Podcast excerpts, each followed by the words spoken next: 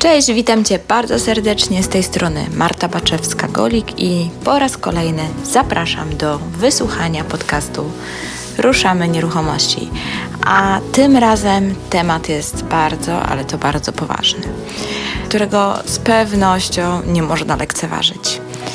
I jeżeli choć raz w życiu miałeś do czynienia z naszym urzędem skarbowym, to wiesz, że lepiej z nimi nie zadzierać i podatki należy im płacić. I dzisiaj właśnie w tym temacie będę rozmawiać z moim gościem. Podatki od wynajmu nieruchomości. Czy należy ich się bać?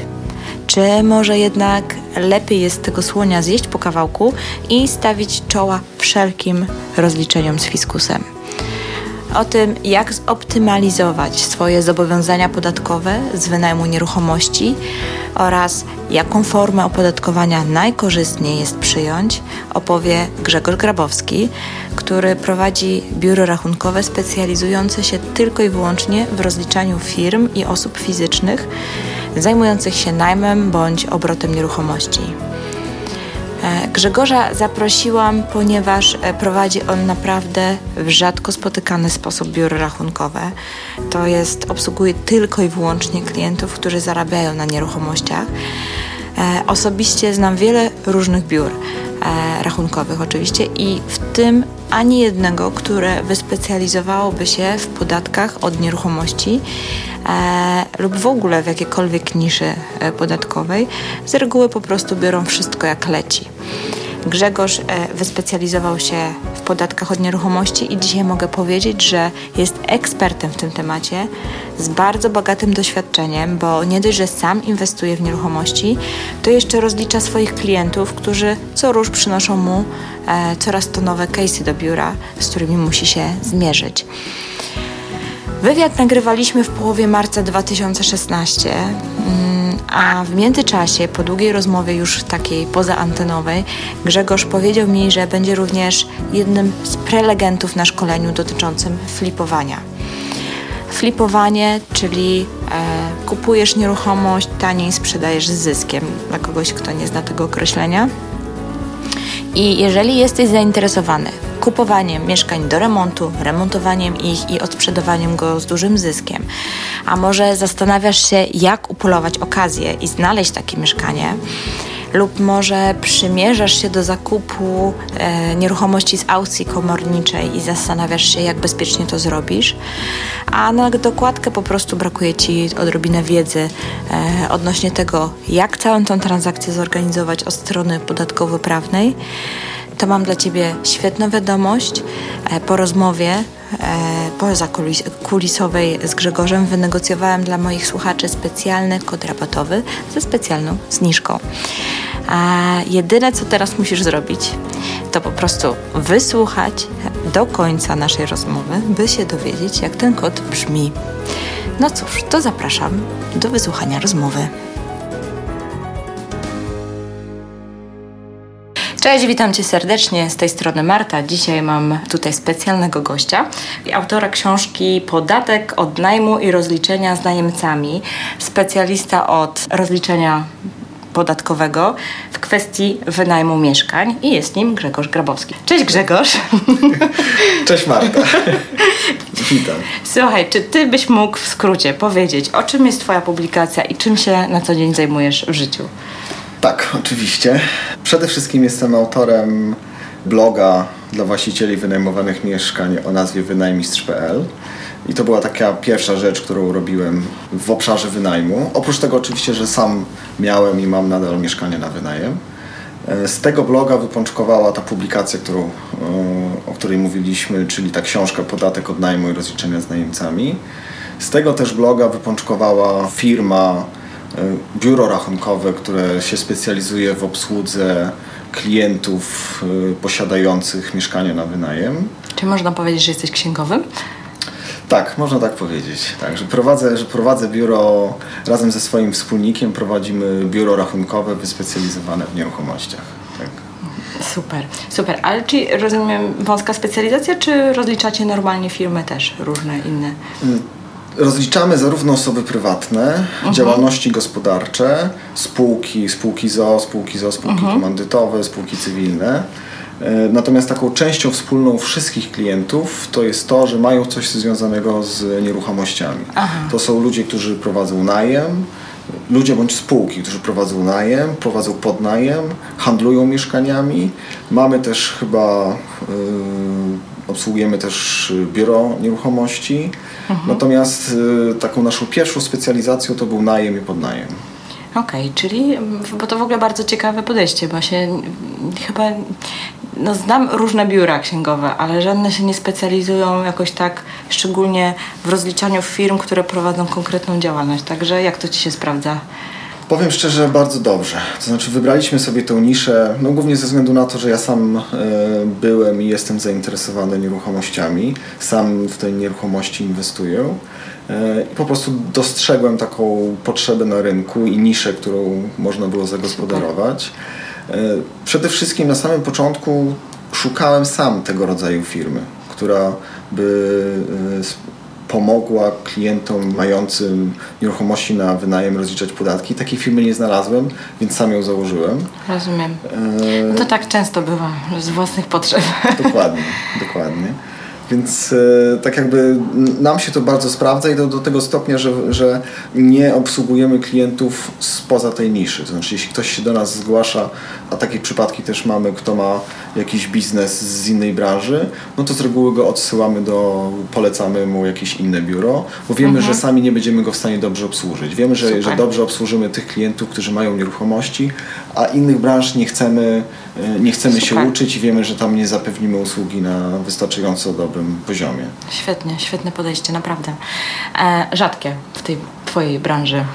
No, ja się nie spotkałam jeszcze z czymś takim, ale to właśnie między innymi dlatego Ciebie zaprosiłam dzisiaj do tej rozmowy, pomimo, że też mam swoją własną księgową, którą bardzo szanuję i, i cenię, bo mi dużo w wielu momentach pomogła. Natomiast e, wiem, że to nie jest absolutnie e, jej jakaś wyspecjalizowana umiejętność związana z e, właśnie obsługą nieruchomości pod względem podatkowym. Ona owszem potrafi to robić i tak dalej, ale, ale, ale pewnie mm, nie wiem, czy by się nawet zgodziła, żeby mi udzielić takiego wywiadu z bardzo ukierunkowanego na ten konkretny temat. Słuchaj, a czy możesz parę słów więcej powiedzieć o tym swoim blogu, bo, bo tam widzę, że jest kopalnia wiedzy, dużo fajnych, ciekawych artykułów, e, z którymi się dzielisz e, z odbiorcami. Tak. E, o czym- To jest twoja taka działalność dodatkowa, hobbystyczna, czy to, mm, czy jakoś to... Tak naprawdę od tego bloga i takiej aplikacji online do rozliczania podatków Mhm. od najmu wszystko się zaczęło. E, I, I tak jakby moja przygoda z mm, pomaganiem innym ludziom w, w rozliczaniu podatków od najmu. No blog to jest tak jakby taki mm, dla mnie sposób na komunikację z y, potencjalnymi klientami, z czytelnikami. Ubolewam niestety nad tym, że udaje mi się tam pisać dużo rzadziej niż bym, niż bym chciał. No ale tak jakby tam piszę o takich podstawach tego, jak rozliczać podatki, o różnych niuansach, o różnych problemach, które się pojawiają, o zmianach w prawie. Staram się to tak jakby opisywać na bieżąco, nie zawsze mi się to udaje, bo to prawo się stosunkowo szybko zmienia. No i też to jest dla mnie taka platforma do, tak jakby do, do komunikacji z potencjalnymi klientami. No właśnie widzę, że tam dosyć aktywnie ludzie zadają pytania i tak dalej. Także polecamy wy, wynajmistrz.pl, tak? Tak. Wynajmistrz.pl. Oczywiście standardowo powiem, że w opisie do odcinka zamieszczę link. Dobra, przejdźmy do naszego sedna tematu, e, czyli do, e, do tego, jak rozliczyć dochody z najmu. Jakbyś mógł tak chociażby słowem wstępu powiedzieć, jakie w ogóle na dzień dzisiejszy mamy formy opodatkowania. To jest tak, oczywiście wszystko zależy od tego, e, co mamy, tak? To znaczy jakiego rodzaju, e, bo oczywiście mówimy o najmie, podnajmie Tak. i tego rodzaju rzeczach. E, Skupmy się na jednym dzisiaj. dokładnie, e, bo pewnie tematów podatkowych jest dużo, dużo więcej, moglibyśmy tu rozmawiać godzinami. E, Natomiast jeśli mo- mowa o najmie, to wszystko zależy od tego, co wynajmujemy, co, co posiadamy, w jakiej formie to prowadzimy jaką nieruchomość, tak? jaką nieruchomość i w jaki sposób, jaki najem prowadzimy. Bo inaczej się rozlicza najem na cele mieszkalne, inaczej się rozlicza taki najem turystyczny, który jest tak naprawdę usługą zakwaterowania. Ale generalnie jest tak, że jeśli mówimy o takim najmie lokali mieszkalnych na cele mieszkalne, no to taka osoba posiadająca jedno, dwa czy trzy mieszkania ma do wyboru y, kilka form opodatkowania. Pierwsza to oczywiście taki najprostszy ryczałt, który jest podatkiem od przychodu. E, później y, zasady ogólne, co też można, które też można stosować w ramach najmu prywatnego, gdzie, który jest podatkiem od dochodu, czyli mhm. rozliczamy przychody, koszty i, i, płacimy podatek od dochodu, jeśli on wystąpi. E, no i jeszcze tam trzecia forma to jest możliwość rozliczania tych mieszkań za pośrednictwem działalności gospodarczej, która to działalność gospodarcza może być rozliczana albo też na zasadach ogólnych, albo na zasadach podatku liniowego. Czyli tak naprawdę to w takich, w te, takie cztery najprostsze formy rozliczania podatku y, od najmu takich jednego, dwóch czy, czy kilku mieszkań to jest ryczałt, zasady ogólne, najem prywatny i działalność gospodarcza na zasadach ogólnych i, i działalność gospodarcza na zasadach podatku liniowego. Okej. Okay. Dobrze, a załóżmy, bo ta, mamy, co my mamy teraz? Marzec. Marzec 2016, mm, czyli zakończył się 2015 rok i zdaje się, że z tego tytułu wy, y, wy, no, wynikało, że należałoby się rozliczyć z urzędem. Niektórzy się już rozliczyli, albo niektórzy dopiero będą się rozliczać. Czy mógłbyś powiedzieć, co trzeba było zrobić, żeby zakończyć ten rok podatkowy no, zgodnie z prawem, żeby Urząd Skarbowy się do nas nie zapukał i nie upomniał o swoje. Co można zrobić, jeżeli ktoś zapomniał? I, I, albo ewentualnie dla tych, co będą się dopiero rozliczać, to jakieś może złote rady. Okej. Okay. Znaczy, z naszego punktu widzenia to w trakcie roku kalendarzowego mamy taki, kilka takich kluczowych dat. Może nie w kolejności chronologicznej, ale pierwsza najistotniejsza to jest koniec stycznia, czyli do końca stycznia 2016 roku mieli obowiązek rozliczyć oraz złożyć zeznanie PIT-28 wszyscy ci, którzy prowadzili najem w 2015 roku i rozliczali go na zasadach e, ryczałtu. Mhm. Później tak, do 20 stycznia oczywiście był ten taki kluczowy termin y, na wybór formy opodatkowania na 2016 rok. Mhm. A ci, którzy rozliczają się na zasadach ogólnych, to oczywiście mają ten standardowy termin, y, czyli do końca kwietnia, a w tym roku to jest chyba tam do któregoś maja, bo koniec kwietnia wypada w weekend. Jeśli chodzi o to, jak te rozliczenia prowadzić i, i, co tutaj można zrobić, jak się, jak się ktoś z tym spóźni, no to przede wszystkim trzeba pamiętać o tych terminach. Mhm. Ja się staram wszystkim moim czytelnikom tam na, na kilka dni przed 20 stycznia wysyłam dwa maile y, przypominające, że słuchajcie, do 20 stycznia musicie wybrać formę opodatkowania i można to zrobić tak, tak i tak. Do końca stycznia ten ryczałt, a do końca kwietnia te zasady ogólne. Więc trzeba po prostu o tych terminach pamiętać. A w momencie, gdy się ktoś z tym spóźni, no to niestety jeśli spóźni z wyborem formy opodatkowania, no to tam niewiele można zrobić. Znaczy można tak. tu cofnąć terminu i, i, wybrać, y, wybrać inną formę opodatkowania, jeśli przeoczyliśmy y, ten 20 stycznia. Jeśli zapomnieliśmy bądź przekroczyliśmy termin rozliczenia, no to wtedy po prostu trzeba się zastanowić, z czym się to wiąże. No oczywiście jak najszybciej to zeznanie złożyć, ewentualnie zapłacić, znaczy wyliczyć ewentualne odsetki i zapłacić ten podatek, jeśli oczywiście ten podatek jakiś nam wyszedł do zapłacenia z odsetkami. Mhm. Tak, I tak naprawdę to wszystko zależy od, od szczegółów i czasami nawet spóźnienie się z rozliczeniem może się nie wiązać z jakimiś bardzo dużymi konsekwencjami, a czasami można mieć pecha i, i tak jakby... A jakiś czynny żal czy coś tam można też pisać, czy... czy no tak, jest, jest taka instytucja czyn, czynnego... Um, Jakoś tak się to chyba nazywało. Tak, czynnego, czynny czynnego żalu, która taka generalnie polega na tym, że jeśli, kolokwialnie mówiąc, jeśli sami y, przyznamy się do winy i, i się upokajamy przed Urzędem Skarbowym, to on nie powinien nas za to ukarać. I oczywiście, mm. jeśli zapłacimy wszystkie tam zaległe podatki razem z odsetkami. odsetkami. Mhm. Okej. Okay. Czyli to mamy. No dobra. Wspominałeś o tych kilku podstawowych formach e, opodatkowania. To może teraz tak trochę powiesz, kiedy co się opłaca i ja wiem, że to pewnie jest trudne pytanie, zwłaszcza jeżeli mówimy o jakiś taki, na takim poziomie ogólnym. E, natomiast e, takie jakieś podstawowe, że jeżeli na przykład, nie wiem, mamy jedno mieszkanie i pracujemy gdzieś tam, to pewnie najprościej, najłatwiej będzie nam wybrać tą e, formę, a potem będę pytać dalej, bardziej szczegółowo. Czyli jakbyś tak mógł powiedzieć w kilku słowach. co kiedy i dla kogo? Dobrze. Tak, znaczy przede wszystkim tak naprawdę jeśli mówimy o wyborze formy opodatkowania, co się nam najbardziej opłaca, e, to trzeba sobie odpowiedzieć na dwa pytania. Najpierw na pytanie takie, czy to co robimy przypadkiem nie wymaga jakiejś określonej formy opodatkowania, bo nie zawsze mamy taki pełny wybór, czyli nie zawsze możemy wybrać ryczałt, zasady ogólne czy działalność. Czasami jest tak, że nie mamy możliwości wyboru yy, najmu prywatnego, ponieważ ten najem, który prowadzimy, jest tak naprawdę działalnością gospodarczą i wtedy poprzez taką działalność gospodarczą trzeba by go rozliczać. Przykładowo... To jest właśnie ten najem taki krótkoterminowy?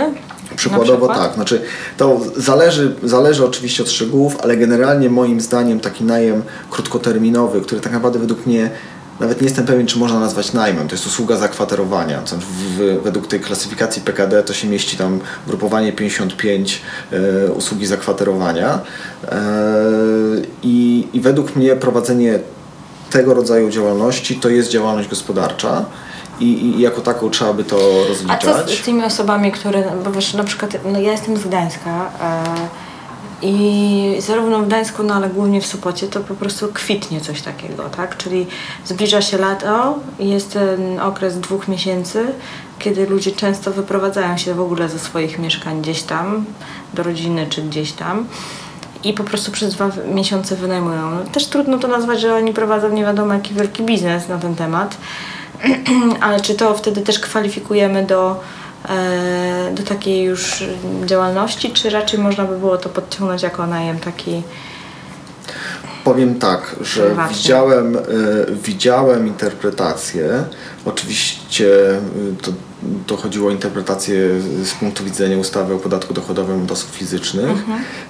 gdzie taki najem takie usługi zakwaterowania prowadzone w cudzysłowie okazjonalnie, znaczy mm, tak od czasu do czasu. Izba Skarbowa zgodziła się z opinią, że można to rozliczać jako najem prywatny i rozliczać na przykład ryczałtem. Natomiast w, według mnie w większości przypadków, kiedy robimy to, no, traktujemy to trochę jak biznes, tak? Nawet jeśli on jest prowadzony sezonowo, to to według mnie powinno być rozliczane poprzez działalność gospodarczą. Znaczy istnieje duże prawdopodobieństwo, że Urząd Skarbowy, e, że fiskus uzna to, że to jest działalność gospodarczą i jako taką należałoby to rozliczać. I co jest wtedy podatek normalny, liniowy i plus VAT taki 23%, czy jak? E, no to jest dłuższy temat, natomiast no, to działalność gospodarczą można rozliczać na zasadach ogólnych albo według podatku liniowego. Jeśli prowadzimy taką działalność, a nie zarejestrowaliśmy tej działalności gospodarczej, a później Urząd Skarbowy stwierdzi, że taką działalność prowadziliśmy, no to trzeba to rozliczyć tak, jakbyśmy prowadzili działalność gospodarczą. A ponieważ nie wybraliśmy, nie założyliśmy tej działalności, nie wybraliśmy podatku liniowego, to, zostanie, to, to zostanie rozliczone na zasadach ogólnych. Mhm. Bo tak, tak jakby taki jest wybór taki standardowy, jeśli się, go, jeśli się nie, nie wybierze podatku liniowego. A powiedz mi, jak to tak trochę może o, zahaczę o ten VAT, bo to mnie też interesuje i często się mnie klienci pytają, bo jak kupują w sobocie mieszkanie i wynajmują, to się mnie pytają właśnie, e, czy, czy jeżeli oni będą prowadzić tego typu działalność, czy oni wtedy muszą wystawiać faktury VAT i czy te, jakiej wysokości ma być ten VAT, czy 8% jako na cele mieszkalne, czy 23% jako właśnie usługa? To są tak naprawdę dwa pytania, czyli mhm. jedno to jest kwestia VAT-u, a drugie to jest kwestia wystawiania faktur bo to, to, są, to są tak naprawdę może nie dwa zupełnie oddzielne tematy. Nie, bo często dwa, jest tak, że ludzie dwa... mają działalność gospodarczą zupełnie inną, ale sobie dodatkowo inwestują, kupują jakieś tam jedno czy dwa mieszkanka, prawda? Traktują tego lokatę kapitału i żeby na, nim, na tym zarabiać, tak? Więc jak już ktoś prowadzi i jest na wacie, no to już i tak już nie ma wyjścia, więc ten VAT musi odprowadzać. I teraz pytanie, jaki VAT z tej usługi, bo tutaj... Mm, jeśli mówimy o takim, jeśli to jest taka osoba, która prowadzi jakąś inną działalność, oprócz tego kupiła sobie dwa mieszkania jako lokatę kapitału i wynajmuje te mieszkania e, na cele mieszkalne, czyli tak długoterminowo, no to taki, taki najem lokalu mieszkalnego na cele mieszkalne jest zwolniony z VAT-u przedmiotowo. Czyli niezależnie od tego, czy ta osoba jest VAT-owcem, czy nie, mhm. to ten, ten, ten najem tak jakby jest z tego, z tego VAT-u zwolniony. Mhm. Jedyne o czym trzeba pamiętać, jeśli ta osoba prowadzi działalność gospodarczą e, i jest VAT-owcem, to trzeba pamiętać o tym, że ten najem prywatny tych dwóch mieszkań trzeba go wykazać w deklaracji VAT. Okej, okay, czyli, e, czyli jeżeli mamy najem długoterminowy, to jest on, to jest on zwolniony z, z założenia. Przy krótkoterminowym jak to wygląda? Powiem tak, jeszcze żeby uzupełnić, to musi być najem długoterminowy lokalu mieszkalnego na cele mieszkalne, czyli jeśli wynajmiemy lokal niemieszkalny na cele mieszkalne albo lokal mieszkalny na cele niemieszkalne, to wtedy niestety z tego zwolnienia nie możemy skorzystać i wtedy mamy problem y, z VAT-em, znaczy możemy mieć problem z VAT-em. Z VAT-em. Natomiast jeśli mówimy o takim najmie krótkoterminowym, czyli tej usłudze zakwaterowania, no to tam to zwolnienie nie działa, ponieważ to jest być może wynajem lokalu mieszkalnego, ale już nie na cele mieszkalne. Mhm. Czyli nie możemy z tego skorzystać. W związku z tym taka usługa y, podpada pod VAT. I taka usługa zakwaterowania, stawka VAT-u na coś takiego to jest 8% w tym okay. momencie. Przy czym yy, taka osoba czasami może również skorzystać jeszcze ze zwolnienia ze względu na obrót, czyli że w niektórych przypadkach może tego VAT-u nie rozliczać, jeśli obrót tam nie przekroczy 150 tysięcy złotych rocznie. rocznie. Natomiast jeśli ta osoba ma oprócz tych mieszkań działalność gospodarczą i tam jest watowcem, no to wynajmując te mieszkania na doby, czy tam prowadząc Aha. taką działalność, świadcząc usługi zakwaterowania, to musi już tam ten VAT doliczać i to wtedy będzie 8%. I najczęściej też powinna te mieszkania rozliczać w ramach tej swojej działalności, działalności. gospodarczej. Okej, okay, to skończymy jeszcze ten temat krótkoterminowy, żeby już go tak e, zamknąć. A co w przypadku osób, które nie pracują, e, znaczy nie mają swojej działalności gospodarczej, a pracują gdzieś na etatach i mają na przykład jedno czy dwa mieszkania, które tak wynajmują krótkoterminowo, wtedy muszą założyć działalność gospodarczą, żeby to obsługiwać? Powiem tak, tutaj nie mam jasnej odpowiedzi, bo jeśli powiem, że mm, ta osoba ma dwa mieszkania i tak musi założyć, założyć działalność gospodarczą, no to od razu zadasz pytanie, co jeśli ma jedno mieszkanie? Więc tak jakby nie jestem okay. w stanie tutaj dać jakiejś... Czy to w ogóle zależy od ilości mieszkań? No właśnie, Czy od rodzaju mnie, świadczenia usługi? Według mnie to jeśli to, jest, mm, jeśli to jest działalność prowadzona e, regularnie, tak w sposób zorganizowany, e, w celach y, z zamiarem osiągania zysku, no to to jest działalność gospodarcza. Być może nawet jeśli to jest jedno, nawet jeśli to jest jedno mieszkanie. Mhm. Ale jeżeli tam przez 10 lat co roku wynajmuje, to. Znaczy powiem tak. Sezonowość prowadzenia działalności nie oznacza, że to nie jest działalność gospodarcza i że nie jest to działalność prowadzona w sposób tam ciągły i zorganizowany. A mhm. takie są między innymi kryteria tego, czy dana działalność jest działalnością gospodarczą. Okej, okay, to żeby to tak podsumować, żebym, czy dobrze zrozumiałam. Czyli w przypadku tych najmów krótkoterminowych, tak naprawdę sama forma tej prowadzonej działalności jakby sugeruje, że jest to działalność gospodarcza, tak? Znaczy, jest to rodzaj działalności zarobkowej.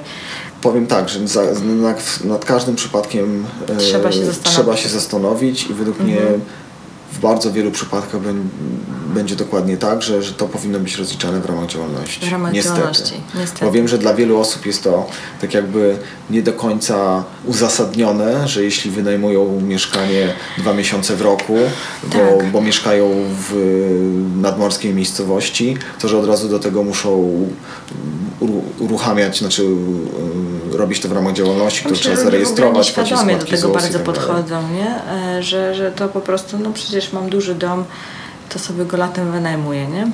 Czy tam pokoje, bo to też równie dobrze można pokoje wynajmować, tak? Dokładnie. Dodatkowo. Jasne, czyli co, no a jeżeli ktoś pracuje, to ewentualnie później poza sezonem zawieszać, tak? Tą działalność. I tak, tak naprawdę sobie, no można, żeby można nie mieć tam tych kosztów, bo tam trzeba chyba składki wtedy dosowe jakieś płacić, prawda? Jeżeli...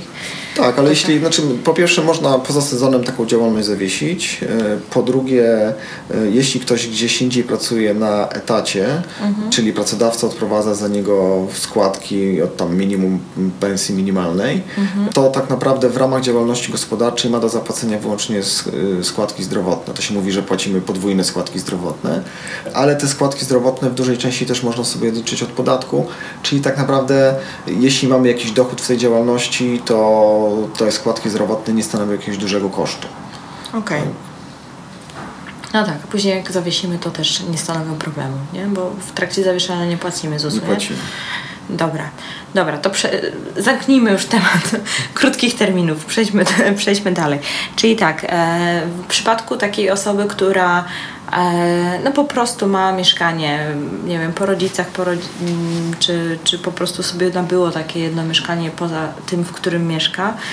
Mm, rozumiem, że możemy wtedy wynajmować jako osoba prywatna i wybrać sobie formę opodatkowania. Albo ryczałt, albo formę ogólną. Tak, dokładnie. Ale równie dobrze możemy, możemy nawet to jedno mieszkanie wciągnąć do naszej działalności gospodarczej, jeśli mamy takie życzenie. W przypadku jednego mieszkania pewnie można powiedzieć z dużym prawdopodobieństwem, że Urząd Skarbowy nie uzna tego za działalność gospodarczą, czyli do tej działalności gospodarczej to możemy wciągnąć, ale nie musimy. Okej. Natomiast jeśli tych mieszkań się po- pojawi więcej, no to wtedy się musimy zas- zacząć zas- zastanawiać, czy przypadkiem nie powinniśmy tego, co robimy, robić już w ramach działalności A powiedz mi, czy osoba prywatna, która ma takie jedno mieszkanie, które nabyła w kredycie, czy ona może również na tych zasadach ogólnych odliczać sobie odsetki, tak jak w firmie? Jak najbardziej tak. Znaczy przy Tak? zasadach ogólnych no, możemy odliczać od dochodu wszystkie uzasadnione koszty, czyli chociażby opłaty do administracji, jeśli my je ponosimy, a nie najemca, Mhm. odsetki od kredytu, jakieś ubezpieczenie tego mieszkania, opłaty za użytkowanie wieczyste, podatek od nieruchomości i też przede wszystkim amortyzację tego mieszkania. Czyli tak normalnie, tak jakby to była taka działalność, tylko bez działalności. Tak, tak. To, I to się nazywa za, tak jakby rozliczenie na zasadach ogólnych w ramach najmu prywatnego, Mhm. Okej. czyli oddzielnego źródła dochodu, który się nazywa tam e, Tylko pewnie najem już nie najem. amortyzować tej nieruchomości. Można, jak najbardziej. Można też amortyzować? W ramach najmu prywatnego można również odliczać O, amortyzację. proszę. I dużo osób to robi. To jest też taki najbardziej popularny sposób na optymalizację podatku od najmu. Okej, a na ile lat jest w ogóle amortyzacja? Znowu odpowiem jak każdy, jak każdy, księg, jak każdy księgowy, że to zależy. Tak? Ale generalnie jest tak, że w przypadku mieszkań, lokalnie mieszkalnych, no to mamy trzy takie podstawowe, tak naprawdę może cztery metody amortyzacji. Pierwsza to taka e, amortyzacja standardowa, gdzie stawka amortyzacji to jest 1,5%, czyli mamy długość amortyzacji tam 66, prawie 67 lat. E, I to jest dla lokali takich wyodrębnionych. W przypadku spółdzielczego własnościowego prawa do lokalu mieszkalnego mamy stawkę 2,5%, czyli rozliczamy się przez kolejne, możemy amortyzować przez kolejne 40 lat. E, I dla niektórych mieszkań możemy też zastosować indywidualne stawki amortyzacyjne i to jest tak jakby taki najbardziej popularny i, i, i- najlepszy sposób optymalizacji podatku. I oprócz tych trzech pierwszych metod możemy zawsze zastosować metodę tak zwaną uproszczoną, gdzie wartość początkową określamy mnożąc y, powierzchnię mieszkania przez 988 zł i jako stawkę zawsze bierzemy 1,5%. Czyli to jest tak jakby taka e, amortyzacja, która nam daje stosunkowo małe, małe zmniejszenie dochodu. Ale czasami może być opłacalna. Czyli który, który, to, która forma zazwyczaj jest najbardziej opłacalna? Jeśli możemy ją zastosować, no to e, najbardziej w cudzysłowie opłacalna to są te indywidualne stawki amortyzacyjne, które, które możemy zastosować tylko dla niektórych mieszkań. Dla mieszkań, które są albo używane, e, albo ulepszone. Przy czym używane przez co najmniej 60 miesięcy przed nabyciem przez nas. Czyli on Okej, musi czyli mieć... rynek deweloperski pierwotny odpada w tym momencie? Dokładnie, Okej. dokładnie, albo powinny być ulepszone co najmniej 30%. Większość osób, które Co znaczy ulepszone? Mm, Czyli, że za, za z, y, nakłady na ulepszenie tego mieszkania przed wciągnięciem ich do e, ewidencji przekroczyły tam 30%, y, 30% wartości. Natomiast takim najbardziej popularnym sposobem y, i tak jakby tutaj Czyli jednym słowem, jakby ktoś kupił od dewelopera i włożył w to mieszkanie 30% y, wartości, to wtedy mógłby z tego korzystać, tak? No właśnie nie, w przypadku nowych mieszkań to jest bardziej skomplikowane i Nie? w, akurat w przypadku tych deweloperskich według mnie nawet y, te wrzucenie co najmniej 30% nie spowoduje, że będziemy mogli zastosować indywidualne stawki, ponieważ przed y, wprowadzeniem y, do naszej ewidencji tam środków trwałych to mieszkanie nie było jeszcze takim kompletnym i zdatnym do użytku środkiem trwałym. No to jest, tak to jest dłuższy, dłuższy temat, ale generalnie dla, Czyli- według mnie dla deweloperskich nie bardzo jest sposób na to, żeby skorzystać z tych indywi- indywidualnych stawek. Okej, czyli tu mówimy o przypadku, bo ile tu mówiłeś, że musi być używane y, Co mieszkanie? najmniej 60 miesięcy. Y, 60 miesięcy. pięć lat. 5 lat. Tak. Czyli jak jakieś kupisz 3-letnie, to wtedy, tak? Możesz mieszkanie tam włożyć 30% dodatkowo i wtedy to się będzie mieścić? Powin, Tak? To, takich, tak. Nie próbuję ustalić, tak. w jakim przypadku ma to zastosowanie te 30%. No, tak, tak. Natomiast mhm. tak jakby większość przypadków, w którymi my się spotykamy, no to to jest zastosowanie tych indywidualnych stawek na bazie faktu, że to mieszkanie, które kupił nasz klient y, było używane przez co najmniej 60 miesięcy. Tak mhm. Tak naprawdę no, to jest większość rynku wtórnego. No, tak? No tak. Y, I, I oczywiście tam trzeba uważać, że to y, tych indywidualnych stawek nie można zastosować dla spółdzielczego własnościowego prawa do lokalu mieszkalnego, ponieważ to nie jest środek trwały, tylko wartość niematerialna i prawna. No ale generalnie jest tak, że, że mm, najbardziej popularnym sposobem to jest kupowanie mieszkań używanych i stosowanie indywidualnych stawek, które mogą no być tam do 10%. No tak, ale jak spółdzielcze własnościowe nie, to, to tam jednak dużo ludzi kupuje w tych spółdzielniach mieszkania. Zgadza się. W wielkich płytach, bo jednak są najtańsze, się najbardziej opłaca je na najem kupować. Tak, znaczy to prawda, że, że spółdzielcze własnościowe prawo do lokalu to jest tam duża część rynku i wtedy, żeby z, móc wykorzystać indywidualne stawki amortyzacyjne, to trzeba takie mieszkanie po prostu wyodrębnić. Czyli trzeba pamiętać o tym, że jeśli... Ale to, aha, bo to co, jak będzie miał księgę, to już jest okej. Okay właśnie posiadanie księgi nie oznacza, że to mieszkanie zostało wyodrębnione, bo księgę wieczystą można założyć również na spółdzielczym własnościowym prawie do lokalu mieszkalnego. Okay. To chodzi o to, żeby to spółdzielcze własnościowe prawo do lokalu mieszkalnego zostało przekształcone w pełną własność. Wtedy A, oczywiście automatycznie okay. zakłada się księgę, Dobrze. ale mogą być również przypadki, gdzie spółdzielcze własnościowe prawo ma księgę wieczystą. I to nie oznacza, że można amortyzować e, przy pomocy indywidualnych stawek amortyzacyjnych. Sporo osób, na tym, sporo osób o tym nie pamięta tak? Że patrzą tylko, jest księga, to znaczy, że, że mogę amortyzować mhm. w ten sposób, a to nie jest prawda. To liczy się, jaki ma status Rozumiem. to mieszkanie, a nie to, czy ma księgę, czy nie. Oczywiście jak ma księgę, no, to są takie niuanse, które no, naprawdę, wiesz, trzeba o tym wiedzieć. Tak, tak, aczkolwiek to jest, no, no, nawet jeśli kupimy mieszkanie, które jest tam spółdzielczym, własnościowym prawem i tak dalej, mhm. no to jedyne co według mnie trzeba zobaczyć przed kupnem, sprawdzić przed kupnem, to pójść do spółdzielni i się zapytać, czy można je wyodrębnić. Mhm. Bo czasami tam mogą być jakieś problemy z gruntem, tego typu rzeczy i wtedy wyodrębnienie może nie być możliwe. Mhm. E, więc trzeba to sprawdzić, tak? Żeby mieć później możliwość optymalizacji jasne. podatku. Jasne, jasne. Czyli 5, e, 5 lat używane mieszkanie i wtedy te indywidualne stawki to jak one są? Są jakieś tam konkretne widełki, czy jak to wygląda? Indywidualne stawki amortyzacyjne mogą. Okres amortyzacyjny w tej metodzie nie może, przekro, nie może być krótszy niż 10 lat, czyli stawka nie może być większa niż 10%. Okay. Czyli możemy maksymalnie amortyzować 10%. Ale 10 lat to już fajnie. Tak, to jest tak jakby to, to jest sposób, który pozwala na w wielu przypadkach praktycznie wyzerowanie podatku, czyli nie płacenie podatku od najmu przez kolejne 10 lat.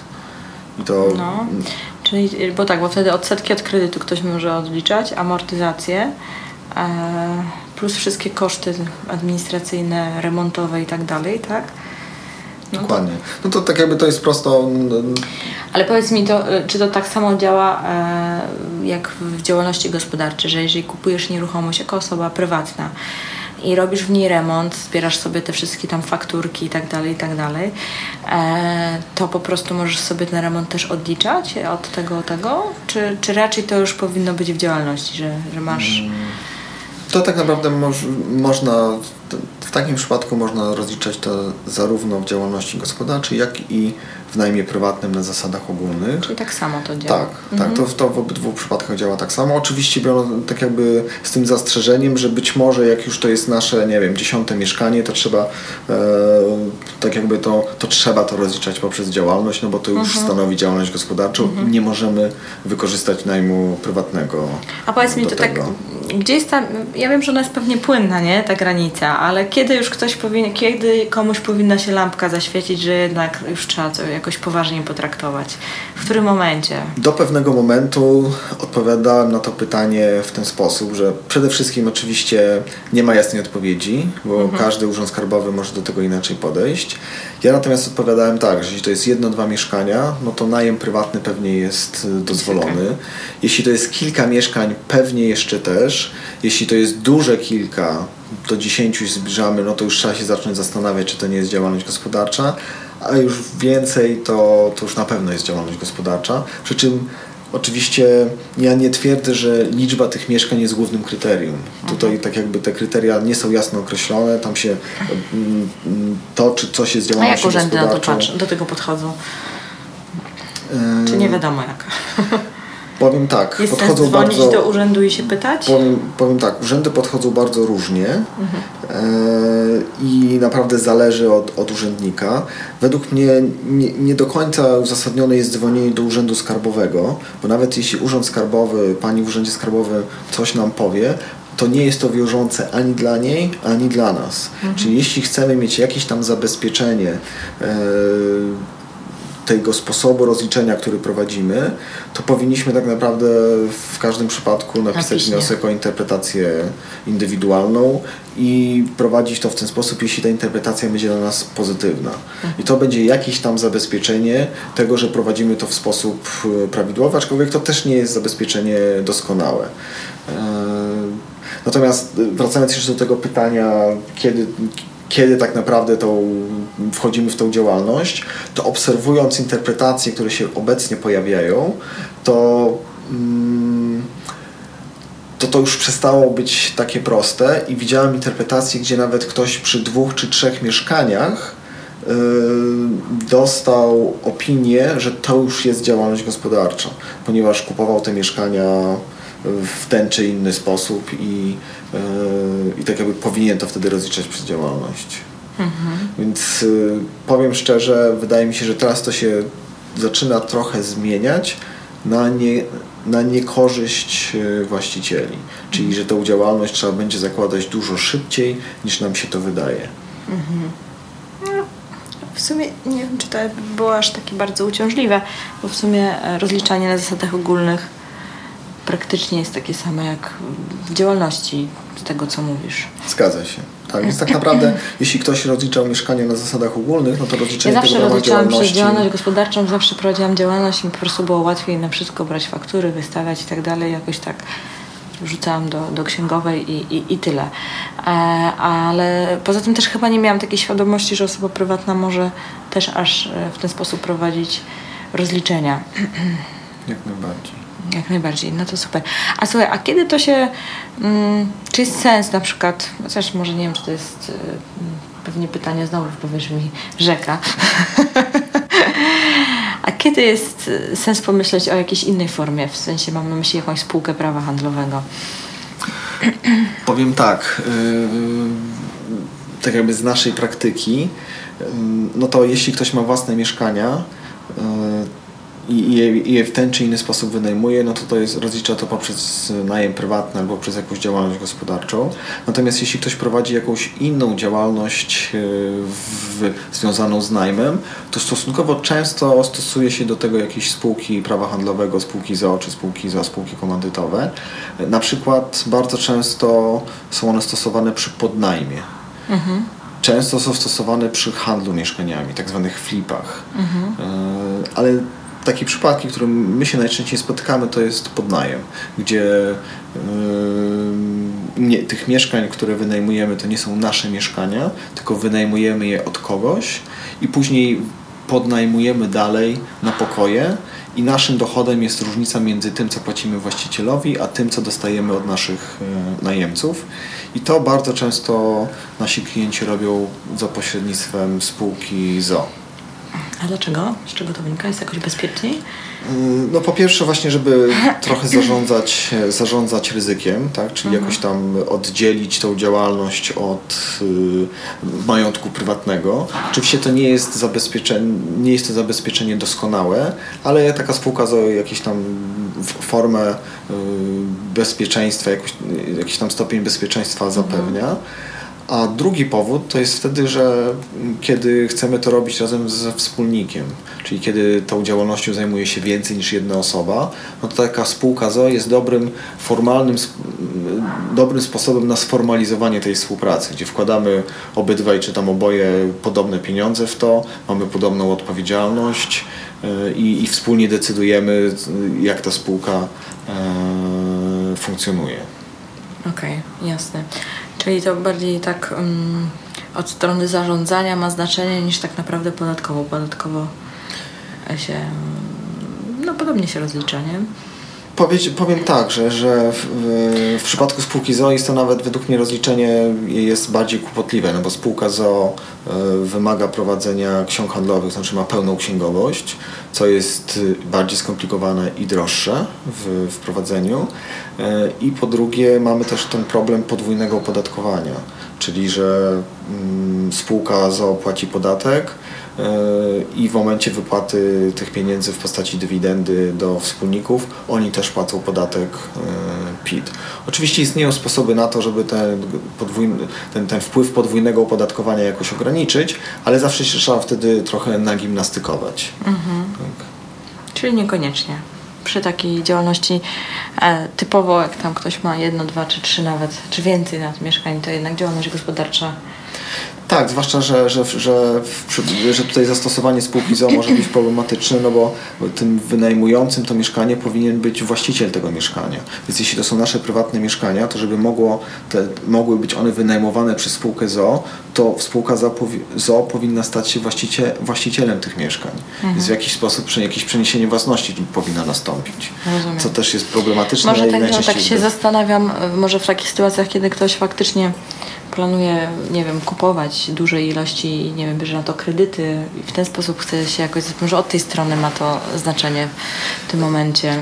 Zgadzam się, aczkolwiek y, temat kredytów to oczywiście też jest bardzo szeroki, bardzo szeroki temat. Y, generalnie jest tak, że no najczęściej ludzie kupują mieszkania na wynajem korzystając z własnej zdolności kredytowej, y, czyli kupują jako osoby fizyczne biorąc kredyt, taki klasyczny kredyt hipoteczny i często jest to nie jeden kredyt, a czasami więcej. Aczkolwiek kupując już ente mieszkania mieszkanie, to ciężko jest je sfinansować kredytem hipotecznym, bo po prostu takiego kredytu nie dostaniemy. E, w związku z tym e, czasami idąc dalej, e, można próbować sfinansować zakup kolejnych mieszkań poprzez kredyt, który weźmie spółka. Bo spółka jest osobnym bytem prawnym, ma tak jakby osobną zdolność kredytową. Natomiast trzeba pamiętać o tym, że te kredyty hipoteczne brane przez osoby fizyczne to jest tak jakby najlepsze kredyty na rynku, jeśli chodzi o warunki, najtańsze kredyty kredyty e, i spółka nigdy kredytu na takich warunkach nie dostanie. To znaczy dostanie na pewno na gorszej marży i przy gorszej i przy krótszym e, e, Jasne kredycie. Tak? Mhm. No, trzeba też sobie powiedzieć jasno, e, kredyty brane na spółkę są po prostu innym produktem bankowym, więc jest to po prostu inny kredyt e, najzwyczajniej w świecie. Także, e, ale na zakup nieruchomości te warunki też nie są jakieś takie najgorsze z tego, co ja się orientowałam. Natomiast na pewno niewątpliwym plusem jest to, że spółka nie ma ograniczeń żadnych co do ilości wziętych kredytów. Jeżeli tylko ma zdolność, to może ich brać i kupować tyle nieruchomości, ile, ile chce, tak? A w przypadku tych hipotecznych kredytów na, na osobę fizyczną, no to jednak są to kredyty stworzone e, dla osób, które kupują mieszkanie na cele mieszkalne, a nie na cele zarobkowe, więc jest to po prostu inna oferta e, bankowa. Więc, Dokładnie. Więc później nie wiem, nie wiem, czy są jakieś takie, nie wiem, czy ty się orientujesz, bo ja tego nie wiem, może ty wiesz, czy jest jakaś, są widełki, ile takich kredytów hipotecznych na osobę fizyczną można wziąć? E, powiem tak, to znaczy no nie, chcę, nie chcę tutaj mm, się wypowiadać, bo to pewnie powinien się doradca kredytowy, czy też bank wypowiedzieć. Myślę, że, że z tego co wiem, to ty masz w tym e, doświadczenie. E, tak. Natomiast rozumiem, że jeśli bierzesz kredyt hipoteczny na własne cele mieszkaniowe, z punktu widzenia, to z punktu widzenia banku powinieneś mieć jeden taki kredyt. No pewnie są banki, które na pewno, znaczy są banki, które dadzą ci tam tych kredytów 1, 2, 3, natomiast tak. no, jakiegoś dużego portfolio Dokładnie, dużego portfolio mieszkań na wynajem się, się w ten sposób y, no, ciężko jest zbudować. No ja wiem, że y. robi się takie rzeczy, że się na przykład w jednym czasie bierze, kupuje trzy mieszkania i trzy kredyty, żeby banki się nie skapnęły, że, że coś tam, ale to, to już są taka wyższa szkoła jazdy zabiegów e, bankowych, nazwijmy to.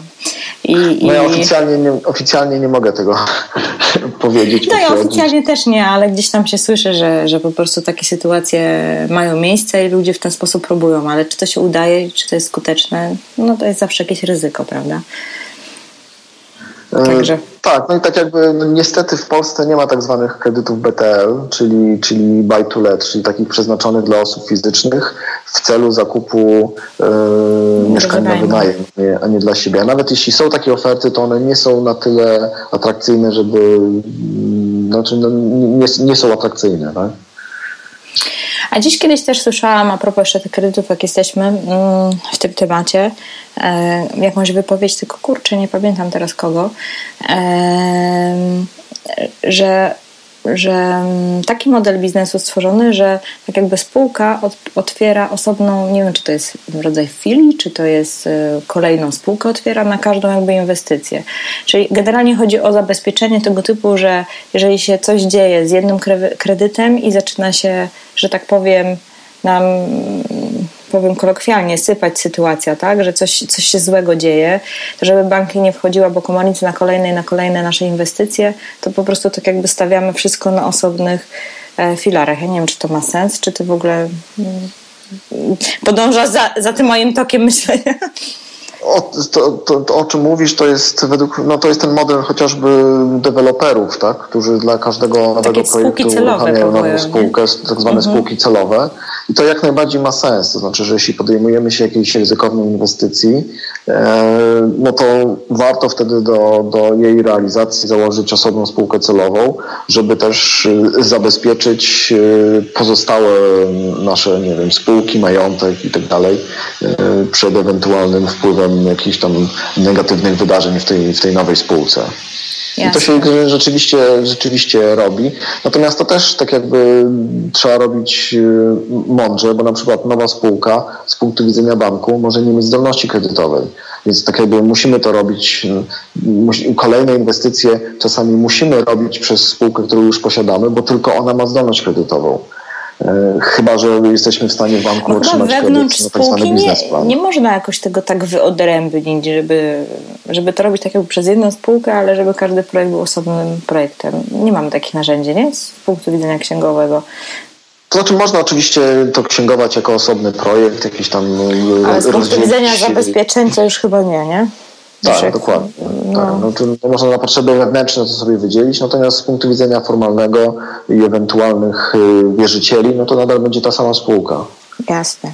No dobra, ale to już jest taka wyższa szkoła e, inwestowania i, i planowania inwestycji, więc myślę, że, że, że nie o tym dzisiaj e, spotkaliśmy się, żeby rozmawiać, tylko e, o kwestiach podatkowych związanych z wynajmem.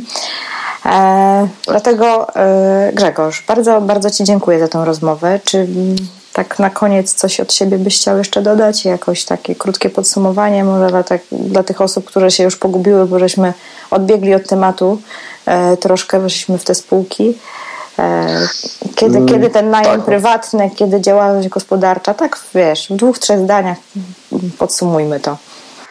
E, tak, no przede wszystkim ja również dziękuję za zaproszenie. Bardzo miło mi się rozmawiało. Dziękuję e, również. I, i tytułem, tytułem podsumowania, no to, to co mogę powiedzieć, że przede wszystkim no, według mnie nie warto się tych podatków e, bać. Na pewno trzeba je rozliczać. czyli nie, nie, nie wpadajmy tam w tą szarą czy tam czarną strefę najmu. Według mnie, jeśli się ten podatek sensownie rozlicza, czyli dobierze formę rozliczenia do naszej sytuacji, to te podatki y, nie muszą być wysokie. Czasami się nawet y, jest y, możliwe ich wyzerowanie. Generalne zasady są takie, no, że jeśli mamy jakąś tam niewielką działalność związaną z najmem, jedno czy dwa e, mieszkania, no to wtedy rozliczamy się poprzez najem prywatny. Czasami będzie się to opłacało wciągnąć do działalności gospodarczej w celu zdobycia tam tarczy kredytowej, tarczy podatkowej, przepraszam. E, no w przypadku, kiedy ta nasza działalność rośnie, czyli inwestujemy w, w, więcej mieszkań, kupujemy więcej nieruchomości, to tak czy inaczej w którymś momencie e, wpadniemy w konieczność rozliczania się poprzez działalność gospodarczą. Natomiast jeśli chcemy prowadzić jakąś inną działalność, na przykład podnajem, to według mnie warto pomyśleć albo o działalności gospodarczej, albo o spółce. W momencie, kiedy e, chcemy robić tak zwane flipy, czyli handlować mieszkaniami, no to wtedy najczęściej się to robi przez działalność gospodarczą albo przez spółkę. E, I tak naprawdę no, każda sytuacja jest inna i, i trzeba dobrać odpowiednio, y, trzeba dobrać formę rozliczenia y, do sytuacji na bazie jakichś tam przewidywań i, i, tego, co, co mamy i tego, co zamierzamy robić z tymi nieruchomościami. Jednym słowem, po raz kolejny radzimy skonsultować to po prostu z kimś, kto się na tym zna, tak? W sensie podatkowym i, i księgowym, żeby po prostu nie mieć później problemu. Także Także myślę, tak. że po prostu warto pójść czy do jakiegoś radcy podatkowego, chociaż chyba, chyba jednak warto pójść do kogoś, kto się w jakimś tam stopniu specjalizuje akurat y, w nieruchomościach, od strony podatkowej oczywiście. Czy taki ogólny radca podatkowy mm, też bez problemu poradzi sobie z tematem, jak ty uważasz? E, według mnie to powinna być osoba, która tak jakby czuje nieruchomości, czyli ma jakieś doświadczenie e, w tym. Y, no, oczywiście może być taką osobą doradca podatkowy, natomiast no, pewnie to powinien być doradca podatkowy, który w nieruchomościach ma jakieś, ma jakieś doświadczenie. Natomiast no bardzo mi się to trudno wypowiedzieć, jak, taki, jak takiego doradcę podatkowego ocenić. Tak? No najlepiej, jak go sprawdzić, jeśli, nie? Tak, dokładnie. Natomiast na pewno nie, nie, warto według mnie opierać się wyłącznie na jakichś tam artykułach i artykułach i informacjach z internetu, bo one często mogą być niepełne, mogą być przekłamane, oparte na innym stanie faktycznym. I mogą być też nieaktualne już najzwyczajniej w świecie, Dokładnie. bo to się jednak zmienia cały czas, więc, więc jeżeli chodzi o, o, o prawo i, i podatki, które są regulowane jakimiś ustawami, no to niestety jest to rzecz bardzo bardzo zmienna, także warto jednak z kimś, kto jest na bieżąco w temacie. Dokładnie. No, dokładnie. Dobra, Grzegorz, ja, ja tylko tak na zakończenie tradycyjnie jeszcze dodam, że, że zrobię notatki do tego odcinka i jeżeli pojawią się Wam jakiekolwiek pytania, to na pewno mam nadzieję, Grzegorz, że się zgodzisz ze mną, że się chętnie e, zaangażujesz w odpowiedzi. E, więc dlatego e, tak, Mogę tak mówić? Postaram się, tak. super, tak. super. E, więc dlatego śmiało zadawajcie, możecie je zadawać na, na blogu bądź na, na, na fanpage'u. E, bez problemu znajdziecie na Facebooku Ruszamy Nieruchomości. E, I tam pod odcinkiem można zostawiać komentarze, możecie też zostawić e, jakieś zapytania lub recenzje w serwisie iTunes. Także dużo form. Również na stronie www Nieruchomości jest do mnie e-mail, więc możecie po prostu wysłać zapytanie mailowe. Oczywiście nie będzie to formą doradztwa, bo nie możemy doradzać, prawda? No właśnie, dokładnie. Ale chętnie odpowiemy na jakieś tak, na, na pytania po prostu, tak z dobrej woli po prostu, najzwyczajniej w tak. świecie. Super. Bardzo Ci dziękuję za poświęcony czas. Myślę, że dużo cennych informacji i może do usłyszenia przy jakimś innym temacie nieruchomościowym. Kto wie? Ja również jeszcze raz bardzo dziękuję i też e, do usłyszenia. No, dzięki, na razie. Bardzo Ci dziękuję za wysłuchanie do końca tej rozmowy. To już niestety koniec. Nie wiem, czy się ze mną zgodzisz, ale ja muszę się przyznać, że nie sądziłam, iż podatki mogą być tak wciągającym tematem. Z Grzegorzem jeszcze bardzo, bardzo długo rozmawialiśmy o różnych innych case'ach i trzeba powiedzieć, że pewnie jeszcze Grzegorza zaproszę do, e, do rozmowy na łamach podcastu, bo ma on naprawdę ogromną wiedzę i myślę, że potrafi się z nią w sposób ciekawy dzielić. Po wysłuchaniu rozmowy Pewnie już teraz nie masz wątpliwości co do wiedzy i kompetencji Grzegorza i czekasz na ten obiecany kod rabatowy, na jego szkolenie, które odbędzie się w maju 2016. No dobra, to przejdźmy do szczegółów. Po pierwsze, jeżeli chcesz poznać więcej informacji na temat szkolenia, to wejdź na stronę www.handelmieszkaniami.pl. Handel mieszkaniami łącznie, razem pisane e, z małych liter. Znajdziesz tam e, dokładny opis tego, co będzie na szkoleniu oraz kto jeszcze oprócz Grzegorza będzie e, występował, e, ponieważ Grzegorz nie jest jedynym prelegentem, są tam również inne ciekawe osoby. Na tej stronie będziesz mógł przeczytać dokładnie kto i o czym będzie mówił. A jak zdecydujesz się zakupić to szkolenie? To kliknij oczywiście guzik kup bilet i tam będzie takie pole do wpisania kodu rabatowego i musisz wpisać tam, uwaga, uwaga, nasz sekretny kod, który brzmi ruszamy nieruchomości. Ruszamy nieruchomości z małych liter i bez polskich znaków. Po wpisaniu tego kodu otrzymasz specjalną zniżkę, którą właśnie wynegocjowałam dla moich słuchaczy. Nie bójmy się tego słowa. Fajnie to brzmi. Tak, dla moich słuchaczy, dla słuchaczy mojego podcastu. Ok, kod, ponieważ kod rabatowy jest bardzo skomplikowany, więc na wszelki wypadek jeszcze raz powtarzam. Ruszamy nieruchomości, małe litery, razem pisane, bez polskich znaków. I tak tylko jeszcze tradycyjnie dodam, że na stronie ruszamynieruchomości.pl znajdziesz opis tego odcinka, a w nim również link do szkolenia oraz e, do bloga Grzegorza. Będzie mi również miło, jak zostawisz komentarz w serwisie iTunes, na blogu lub na naszym fanpage'u na Facebooku. Czytam i odpowiadam również na wszystkie maile. Także śmiało pisz, jak masz jakieś pytania e, i nie chcesz robić tego publicznie, możesz po prostu do mnie napisać. No cóż, pozdrawiam Cię bardzo, bardzo serdecznie i do usłyszenia niebawem.